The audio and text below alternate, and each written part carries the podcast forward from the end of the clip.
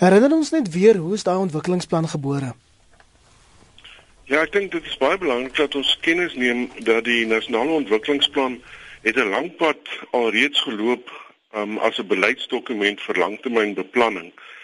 Dit is reeds in 2007 by die beleidskonferensie in Polokwane van die ANC um aanvaar en gemandateer dat daar so 'n plan um saamgestel moet word en dit het aanleiding gegee tot die aanstelling van 'n beplanningskommissie onder leiding van minister Trevor Manuel en hulle het wyd gekonsulteer in 'n proses om uh, in die Suid-Afrikaanse samelewing insette te kry oor hoe so 'n plan moet lyk. En uiteindelik is hierdie plan dan op 11 November in 2011 as 'n uitset aan die land aangebied uh rondom nasionale beplanning.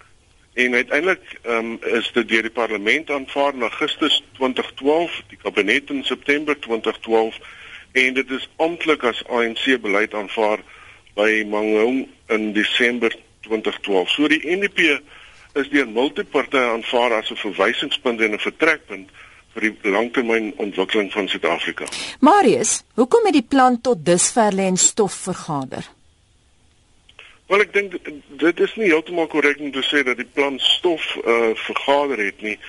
Ehm um, as ons dan in ag neem dat dit is in Desember 2012 by die beleidskonferensie aanvaar as amptelike beleid in Februarie 2013 het uh, minister Pravin Gordhan as deel van sy begrotingstoespraak aangedui dat die prioriteite van die NUP vervat gaan word in die mediumtermyn um, uitgawebeplanning van die regering en dat die NUP dan nou die basis vir langtermynbeplanning is. Hierdie vertrekpunt waar die NUP uh, vir mediumtermyn strategiese raamwerk van die regering gebruik word is bevestig deur minister Neni in sy toespraak in Maart 2015.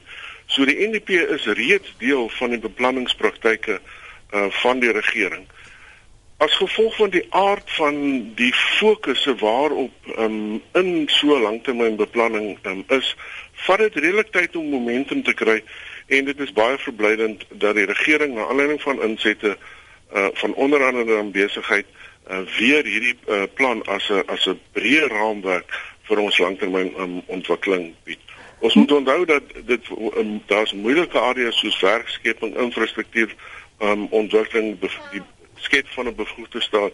So dit is dit is dis komplekse onderwerpe, maar ehm um, dit is baie goeie nuus dat dit weer nou uh, herbevestig word as 'n integrale deel van die langtermynbeplanning van die land. Ek hoor wat jy sê dat die toesprake nie lê in stof vergader het nie, maar dit is al 4, 5 jaar later. Hoekom het die president nou skielik weer die regering tot die plan verbind? Wel, ek ek dink as ons kyk na al die um, ontwikkelende lande wat presteer, dan het hulle nasionale ontwikkelingsplanne.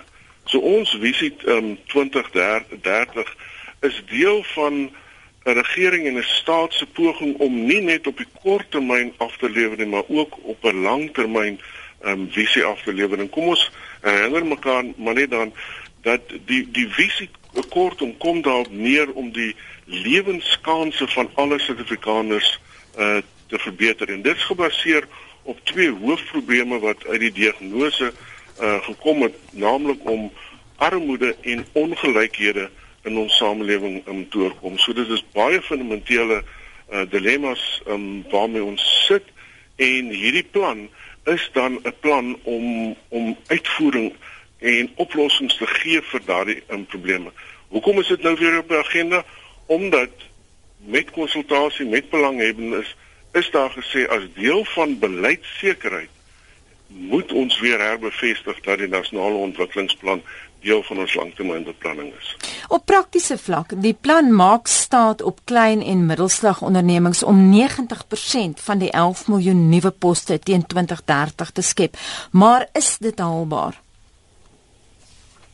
Ek, ek is 'n uh, uh, optimis. Ehm um, so uh oor oor oor die haalbaarheid um, sal ons oor die langtermyn kan sien dat daar wel 'n poging van die regering is oor die reprodusering van klein sake in op hulle um, agenda. Dit is definitief so. Ons sien baie beduidende uh tekens van uh die ondersteuning van um, klein besighede met uh, spesifieke uh, programme.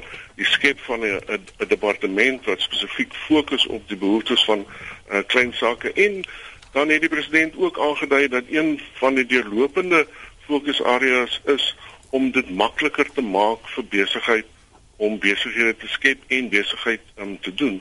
So om die administratiewe um, laste te verminder uh, vir klein sake is deel van daai um, suksesformule.